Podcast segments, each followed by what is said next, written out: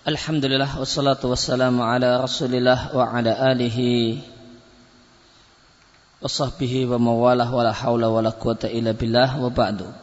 Kaum muslimin dan muslimah rahimani wa rahimakumullah. Kembali kita lanjutkan mengkaji, membaca dan mentalaah hadis-hadis Nabi wasallam yang terkumpul dalam kitab Riyadhus Shalihin min kalami Sayyidil Mursalin karya Al-Hafidh Abu Zakaria Yahya bin Syarab An-Nawawi Ad-Dimashqi Asy-Syafi'i rahimallahu rahmatan wasi'ah. Kita masih di hadis yang ke-20 dari Riyadhus Shalihin yaitu hadis tentang uh, kisah orang yang membunuh 99 nyawa kemudian melengkapinya dengan 100 nyawa.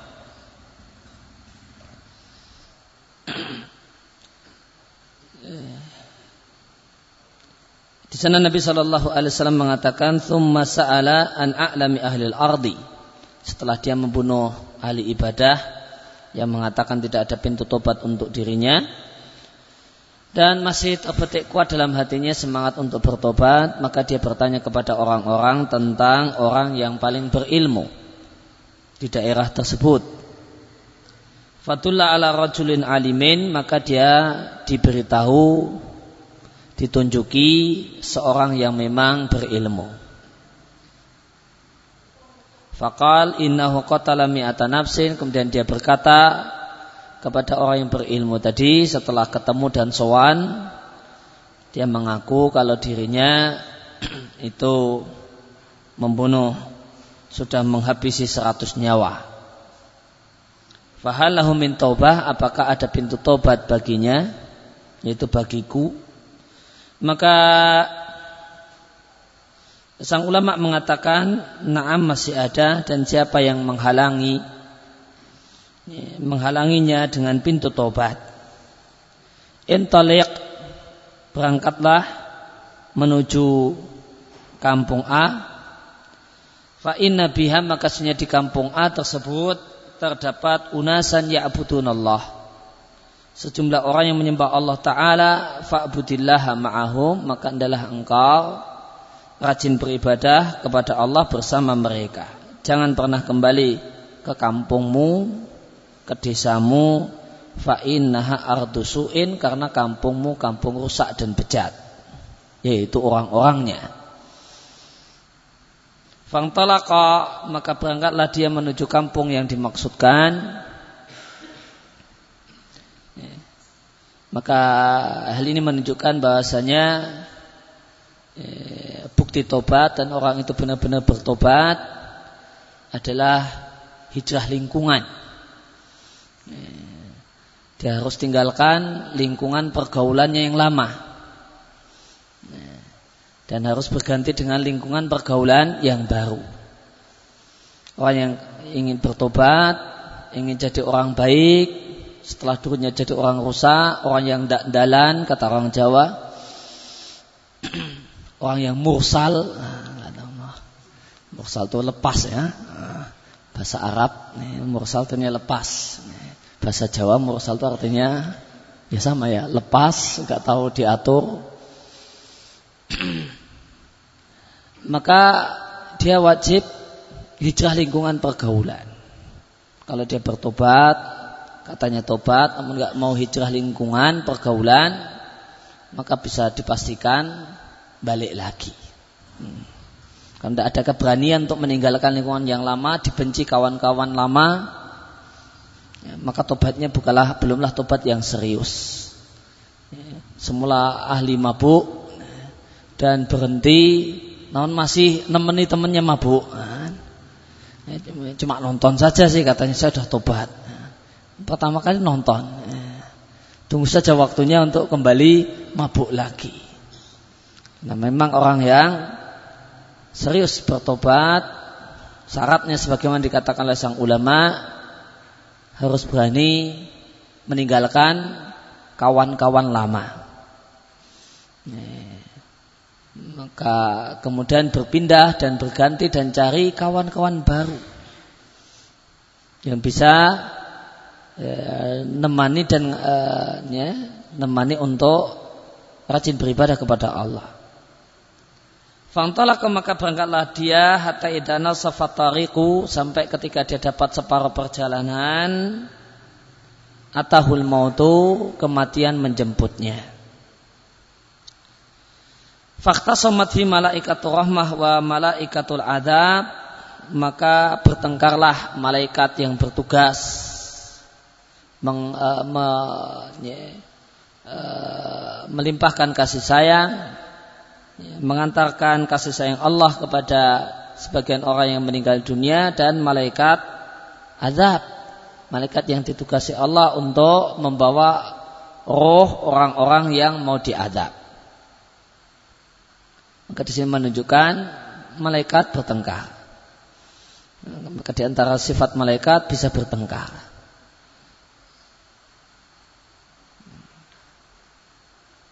Maka malaikat rahmat mengatakan ja'ata iban mukbilan biqalbi ilallah ta'ala. Orang ini datang kemari dalam keadaan bertobat dan dia pasrahkan hatinya ya, seluruhnya kepada Allah Ta'ala.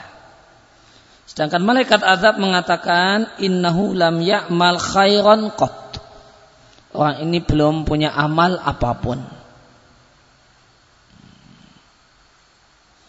Apa yang dimaksud orang eh, apa maksud perkataan malaikat ini dia orang ini belum punya amal apa pun. Apakah dia benar-benar belum punya amal apa pun? Jawabannya tentu tidak. Dia sudah punya amal apa? Taubat, menyesal, bertobat dan menyesal, dan amal apa? Berupaya untuk hijrah. Bahkan dia sudah jalan kaki. Maka lam ya'mal khairan qat di sini maksudnya adalah amalnya masih sangat sedikit sehingga seakan-akan tidak ada. Bukan sama sekali tidak ada. Dia sudah punya amal.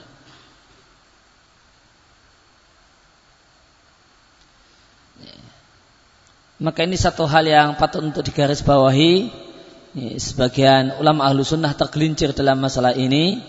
Ketika menjumpai lam ya'mal khairan qat dikira dia adalah artinya sama sekali tidak punya amal badan sama sekali. Padahal ternyata kita lihat penggunaan dari Nabi kata-kata lam ya'mal khairan qat ternyata dia sudah punya amal badan bukan hanya amal hati kalau menyesal mungkin ya bisa dikatakan amal hati. Ya, namun orang itu telah jalan kaki untuk berhijrah. Perginya dia adalah amal.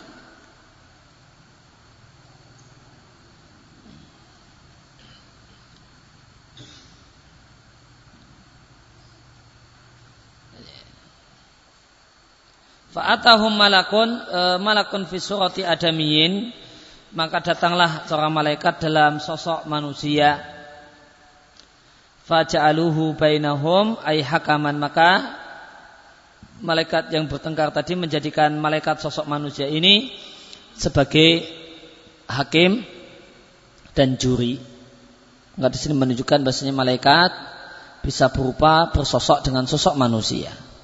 Sebagaimana malaikat Jibril sering datang kepada Nabi dalam rupa salah seorang sahabat Dihyah Al-Kalbi.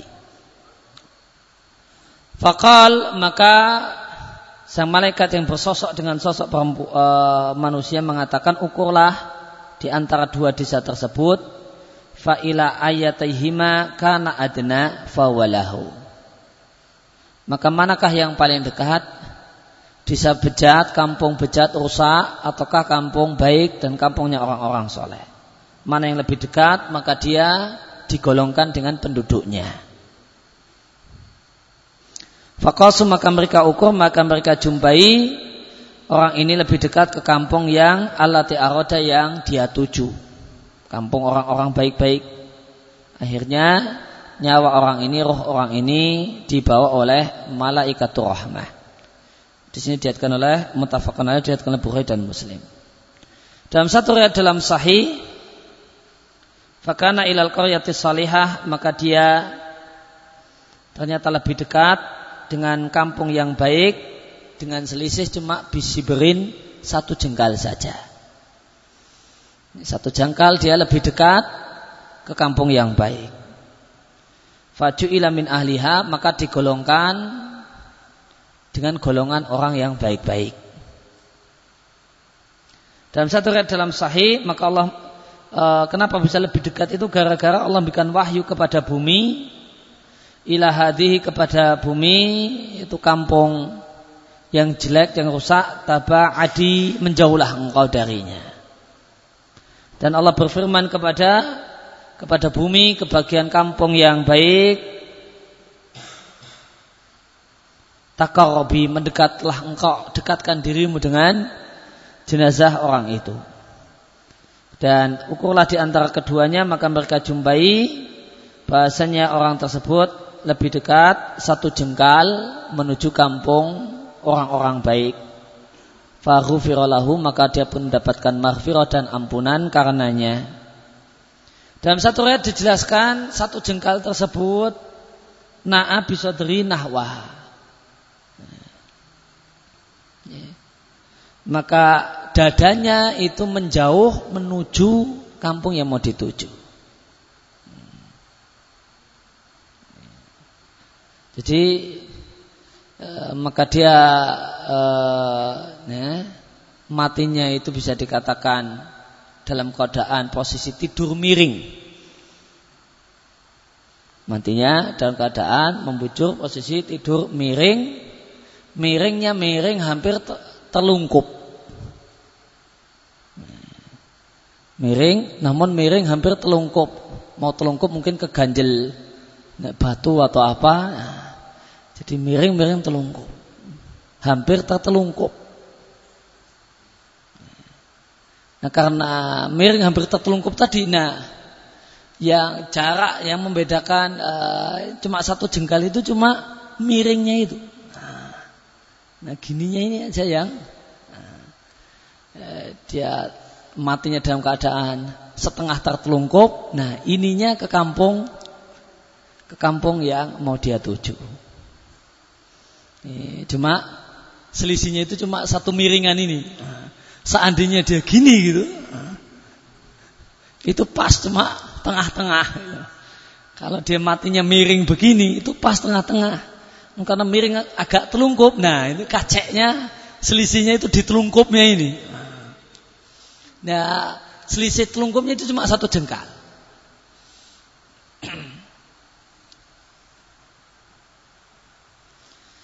Penjelasannya, maka di sini penulis An-Nawawi rahimahullah taala menukil riwayat dari sahabat Abu Sa'id yang nama aslinya adalah Sa'ad bin Malik bin Sinan Al-Khudri radhiallahu anhu, Nabi sallallahu alaihi wasallam bercerita, dulu di umat terdahulu terdapat seorang yang membunuh 99 nyawa, kemudian dia menyesal, kemudian dia tanya-tanya tentang manusia yang paling berilmu tentang agama yang bisa dia tanyai.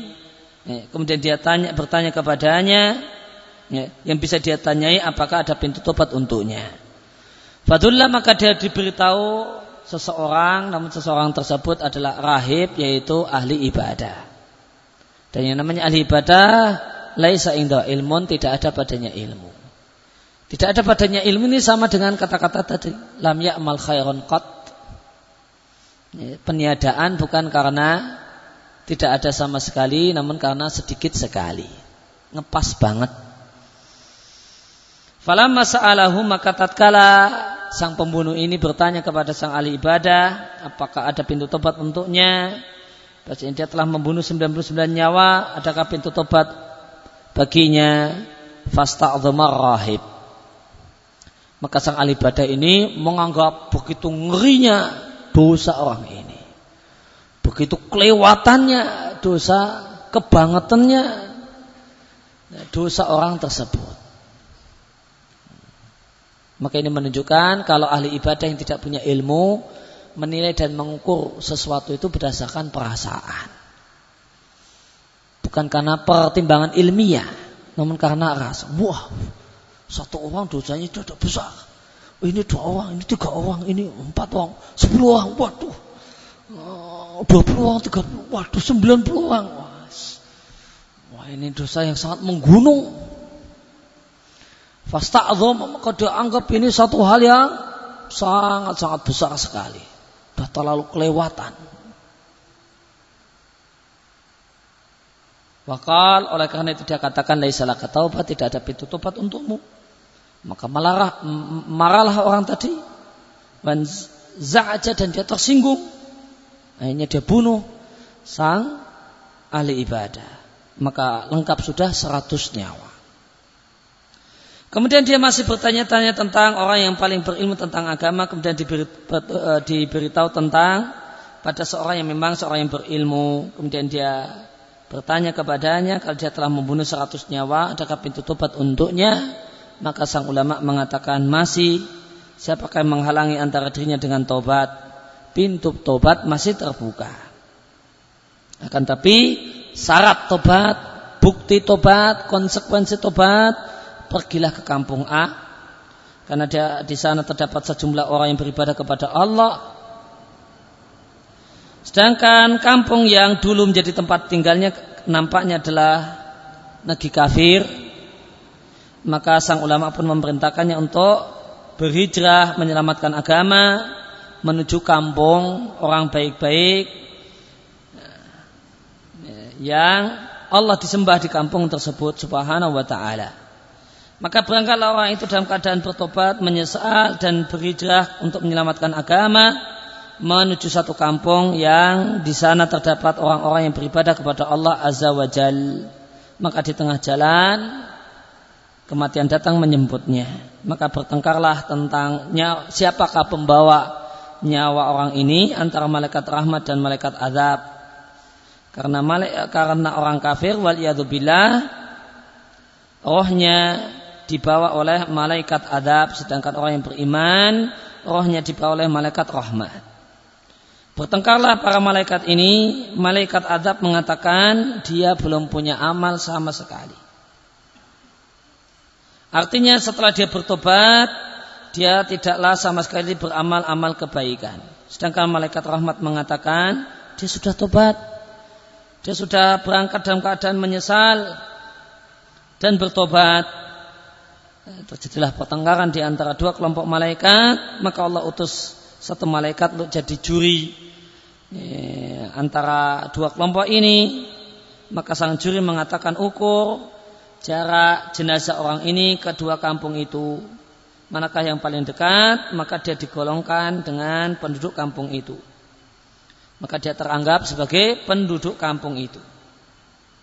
Maka jika ternyata lebih dekat kepada kampungnya orang kafir, malaikat, malaikat adablah yang akan membawa nyawanya. Jika lebih dekat kepada baladil iman kampung iman, malaikat malaikat rahmatlah yang akan membawa uh, rohnya. Akhirnya mereka ukur jarak di antara dua kampung tersebut dengan posisi jenazah orang ini Ternyata kampung yang dituju yaitu Baladul Iman, kampung orang-orang yang soleh ternyata lebih dekat dibanding e, dibandingkan kampung yang dia tinggalkan dan jaraknya cuma semata-mata cuma satu jengkal saja. Artinya jarak yang sangat pendek. Akhirnya arwah atau roh orang tersebut dibawa oleh malaikat rahmat. Maka dalam hadis ini terdapat sejumlah pelajaran. Ya, pelajaran penting yang ada dalam hadis ini bahasanya pembunuh jika dia membunuh seseorang, seorang muslim dengan sengaja kemudian bertobat, maka Allah tetap menerima tobatnya. Dan dalil tentang hal ini ada dalam Al-Quran. Itu firman Allah Ta'ala Inna. Dan tetap ada harapan ampunan bagi orang yang melakukan kejahatan dan dosa yang kelasnya di bawah kemusyrikan. Matuna dalika yakni matuna syirki di bawah kelas kemusyrikan maka Allah mengampuninya jika Allah berkehendak. Inilah pendapat jumhur atau mayoritas ulama pernah kita sampaikan di majelis ini itu kecuali Ibnu Abbas dalam salah satu dari dua pendapatnya dan Abu Hurairah. Di mana dua sahabat Nabi ini berpendapat tidak ada pintu tobat untuk dosa pembunuhan.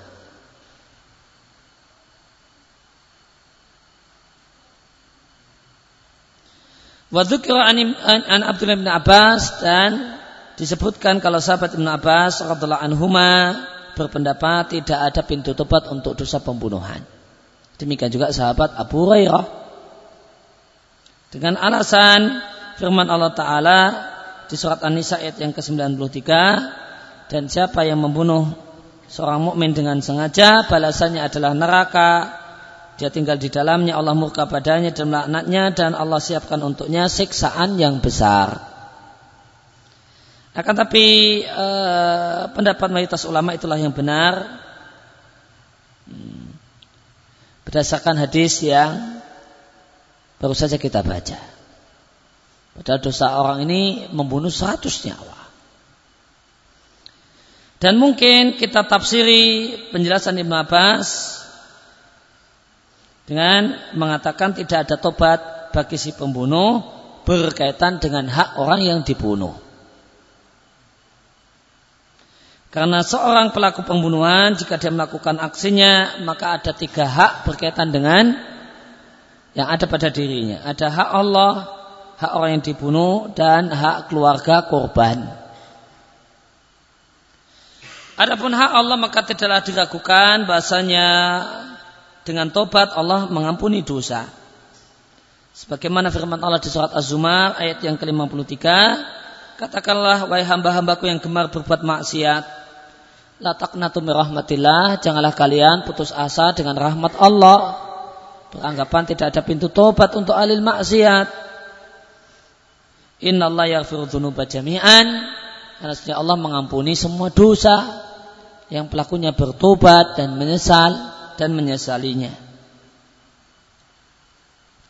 Demikian juga firman Allah Allah menyebutkan tiga dosa. Pertama dosa kemusyrikan, dan orang-orang yang tidak e, beribadah bersama Allah sesembahan yang lain tidak membunuh nyawa yang Allah haramkan kecuali dengan alasan yang benar tidak pula berbuat zina siapa yang melakukan hal tersebut yalqa athama maka sungguh dia telah berbuat dosa. Dan akan dilipat gandakan seksaan untuknya pada hari kiamat. Dan dia akan kekal atau berada lama dalam neraka muhana.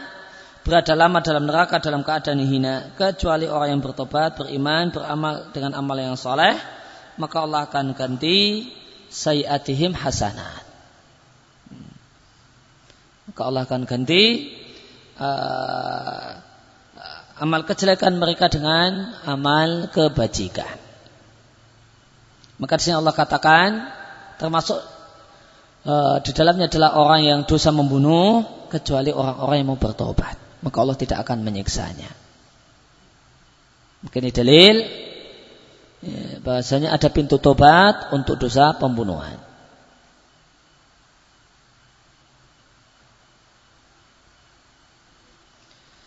Wa amma hakul maktul adapun hak orang korban yang dibunuh fa inna taubatal qatil maka tobat seorang pembunuh tidaklah bisa ya, bermanfaat untuk menyelesaikan hak dia, ya, menyelesaikan urusan dia dengan si korban. Karena sudah nggak bisa, karena ini hak manusia. Orangnya sudah mati, nggak bisa dimintai maaf dan eh, semacam itu. Walatuati ilaihi hakau dan si pembunuh ini tentu belum menunaikan apa yang menjadi hak korbannya karena dia telah mati dan tidaklah mungkin ila istihlalihi minta maaf kepada orang yang sudah mati. Maka tidak mungkin ada jalan untuk minta maaf kepada orang mati atau kemudian e, berlepas diri dari darahnya, membersihkan diri dari darahnya. Fawalladhi yabqa mutolaban. Maka inilah yang akan tetap ada menjadi bahan tuntutan. yang akan jadi bahan tuntutan untuk si pelaku pembunuhan meskipun dia telah bertobat. Maka nanti pada kiamat Allah akan memutuskan keputusan, menetapkan keputusan di antara keduanya, pembunuh dan orang yang korban pembunuhan.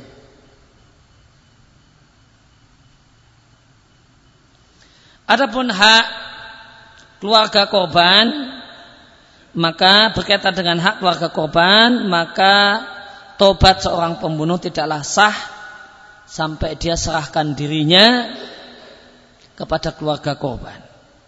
Kemudian di depan keluarga korban dia mengakui kalau dialah pelaku pembunuhan dengan dia katakan di depan keluarga korban salah pelakunya, saya di hadapan kalian.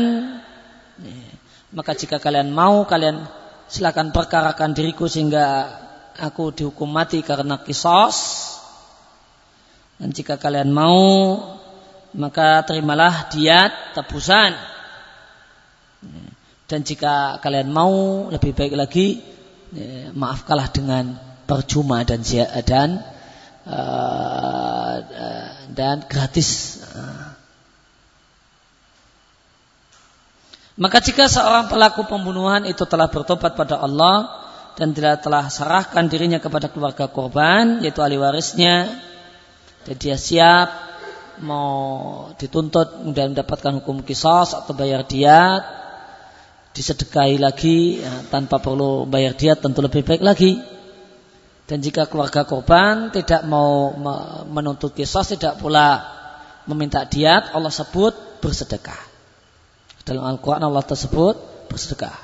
Wa in tasaddaqu fa khairul eh, Wa in tasaddaqu namun jika mereka mau bersedekah. Jika mereka keluarga korban mau bersedekah. Maka tidak mengambil dia memaafkan tanpa minta kompensasi ini disebut sedekah. Maka tobatnya sah. Sedangkan urusan antara Eh, pelaku pembunuhan dengan korbannya maka karena nggak mungkin minta maaf. Dan ini berkaitan dengan hak dia maka yakunul hukmu fihi ilallah yaumal qiyamah. Hukum pastinya kita pasrahkan kepada Allah nanti pada hari kiamat. Maka boleh jadi Allah akan buat Akan, uh, Allah buat uh, korban ini ridho dan tidak mempermasalahkan kita dan tidak mempermasalahkan maka selesai. Kalau Allah tahu betul-betul kalau dia orang yang sungguh-sungguh bertobat. Namun jika tidak, boleh jadi Allah tidak buat korban ridha, maka nanti tetap akan ada perhitungan. Dan tentu di sana tidak ada lagi duit, yang ada adalah ganjaran dan pahala. Itulah bayaran untuk menebusnya.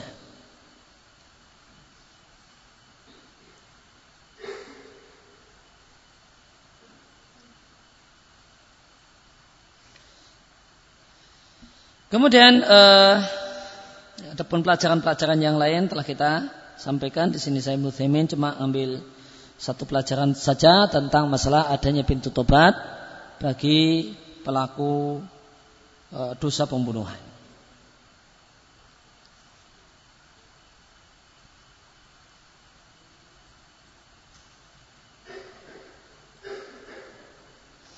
Ya, kemudian hadis berikutnya Hadis yang terakhir di bab taubat adalah satu hadis panjang yang penuh dengan banyak pelajaran yaitu hadis tentang tiga orang yang e, ditunda tobatnya. Gara-gara mereka tidak berangkat perang tabuk tanpa udur. Itulah hadis dari Abdullah bin Ka'ab bin Malik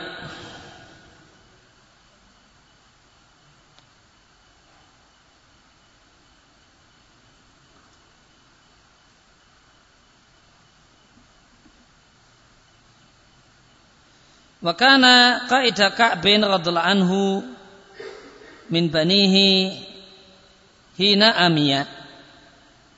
Maka Abdullah ini anaknya Ka'ab bin Malik dari Abdullah yang merupakan anaknya Ka'ab bin Malik. Dan Abdullah anaknya Ka'ab bin Malik yang namanya Abdullah ini adalah penuntun bapaknya untuk pergi ke masjid dan ke mana-mana. Min bani dari antara di antara uh, sekian banyak anak-anak Ka'ab bin Malik ketika Ka'ab bin Malik tua e, buta karena tua di akhir hidupnya.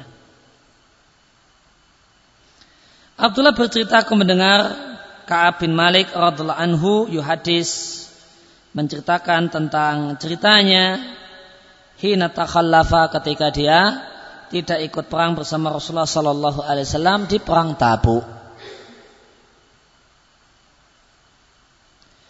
Ka'ab bercerita aku tidak pernah tidak ikut perang bersama Rasulullah sallallahu alaihi wasallam di satu peperangan yang diikuti oleh Nabi sallallahu alaihi wasallam sama sekali aku tidak pernah tidak ikut perang kecuali perang tabuk saja. Demikian juga kecuali eh, aku juga tidak ikut perang pada saat perang Badar. Namun untuk perang Badar lam yu'atab ahadun takhallafa anhu. Tidaklah dicela siapa pun yang tidak ikut perang Badar. Kenapa? Karena ketika Rasulullah Sallallahu Alaihi Wasallam dan kaum eh, dan kaum muslimin berangkat ke menuju Badar, mereka ingin mencegat Ira Quraisyin, rombongan dagang orang Quraisy. Tujuannya bukan perang. Tujuannya untuk nyegat rombongan kafilah dagang. Karena tujuan awalnya eh, tujuan Nabi Ketika berangkat ke Badar bersama para sahabat, tujuannya tidak perang, maka Nabi tidak wajibkan kepada semua orang untuk berangkat. Nabi cuma mengatakan siapa yang mau ikut, yuk, ya ikut. Nah, maka suka rela. Siapa yang longgar, siapa yang sempat dan mau, ayo berangkat. Karena memang niatan awal itu adalah mencegat kafilah dagang Quraisy yang dipimpin oleh Abu Sufyan. Dan ternyata ya, ber, bergeraknya Nabi dan para sahabat ini sampai ke telinganya Abu Sufyan. Maka dia tidak kemudian tidak lewat Badar, tidak lewat jalan Madinah, namun dia kemudian langsung banting setir lah biasa sekarang, ngambil jarak yang jauh, muter, pinggir laut, untuk menghindari e, tercegatnya rombongan dagangnya.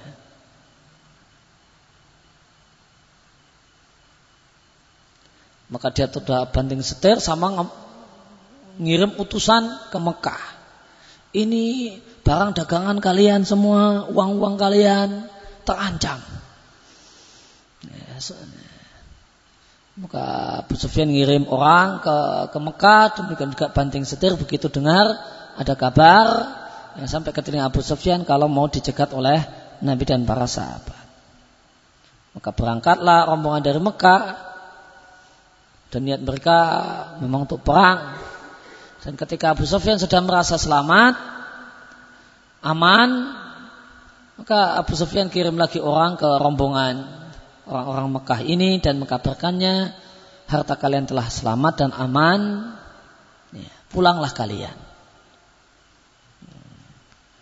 Namun mereka orang-orang Mekah ngotot nggak mau menerima saran Abu Sufyan. Ya, dan yang paling ngotot adalah Abu Jahal.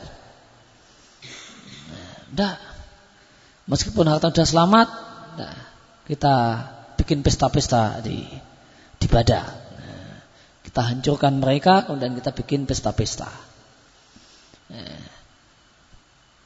Maka niatnya mau bikin party-party di Badar.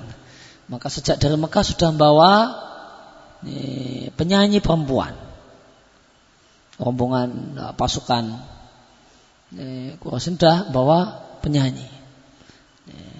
Tukang joget. Nah, nanti kalau sudah menang perang, nah, nanti mau uh, nonton bokong. Bikin pesta-pesta sambil minum mabuk-mabuk karena menang perang. Rencananya demikian. Oh, Abu Jahal ngototnya, pokoknya tetap berangkat, tak habisi mereka, menang. Wah, nanti kita tiga hari dibikin party. Nah, kan kita akan bikin pesta-pesta selama tiga hari tiga malam. Nah, maka penyanyi-penyanyi dangdut sudah dibawa ya. sudah dibawa, sudah ikut di rombongan ini.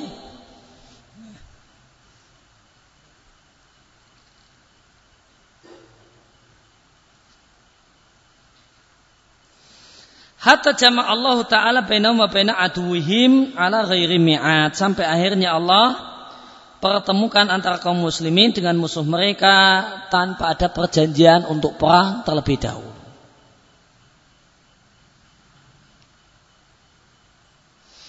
Dan aku kata bin Malik, aku termasuk orang yang bertemu dengan Rasulullah Sallallahu Alaihi Wasallam saat malam Bayatul Aqobah hina tawathakna alal Islam ketika kami menyampaikan sumpah setia untuk masuk Islam.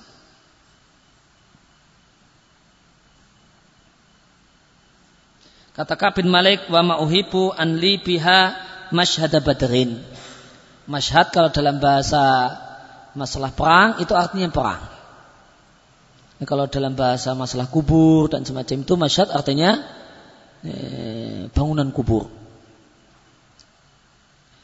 Kata Kabin Malik, aku tidaklah ingin kehadiranku di Bayatul Aqobah itu kalau ditukar ditukar dengan badar aku aku tidak ingin.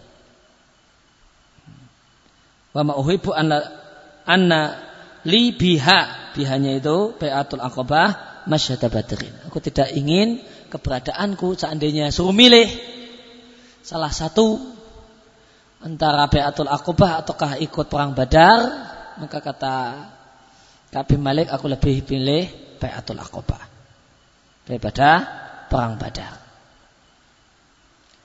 Wa in kana badrun adkar finnasi minha. Meskipun kejadian Badar, perang Badar itu lebih disebut-sebut, lebih populer, lebih mentereng, lebih keren di tengah-tengah uh, manusia daripada peristiwa Bayatul Aqobah.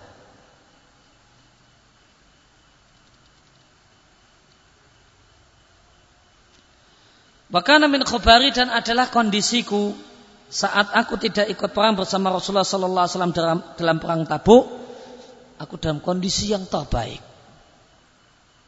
Lam akun kotu akwa tidak pernah dalam satu peperangan aku dalam kondisi fisik badan yang paling kuat daripada pada saat perang Tabuk.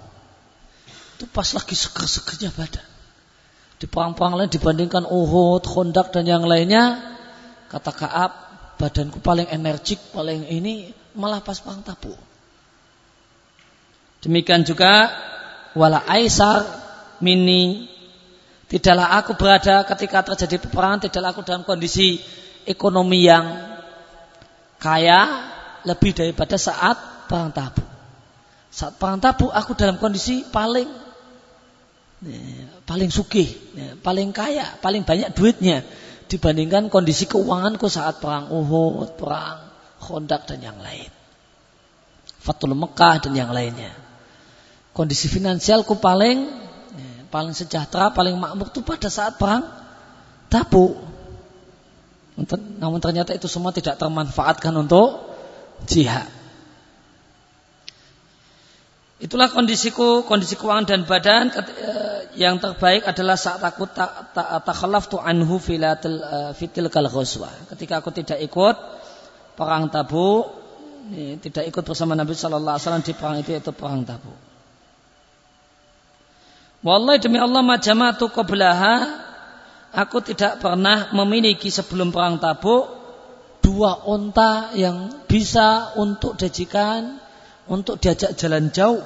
Koton sama sekali sampai aku kumpulkan bisa kumpulkan saat perang tabu. Sampai bukti beliau kaya, aku tidak pernah punya onta, dua onta yang siap untuk pergi jauh kecuali pas perang tabu. Maka cocok sekali seandainya aku bawa berangkat perang tabu. Karena malah punya dua di perang-perang yang lain tidak pernah sampai punya dua. Paling-paling punya berarti satu.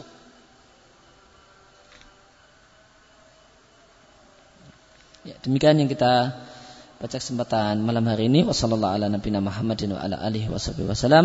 Wa. Subhanaka Allahumma wa bihamdika asyhadu an la ilaha illa anta astaghfiruka wa atubu ilaik.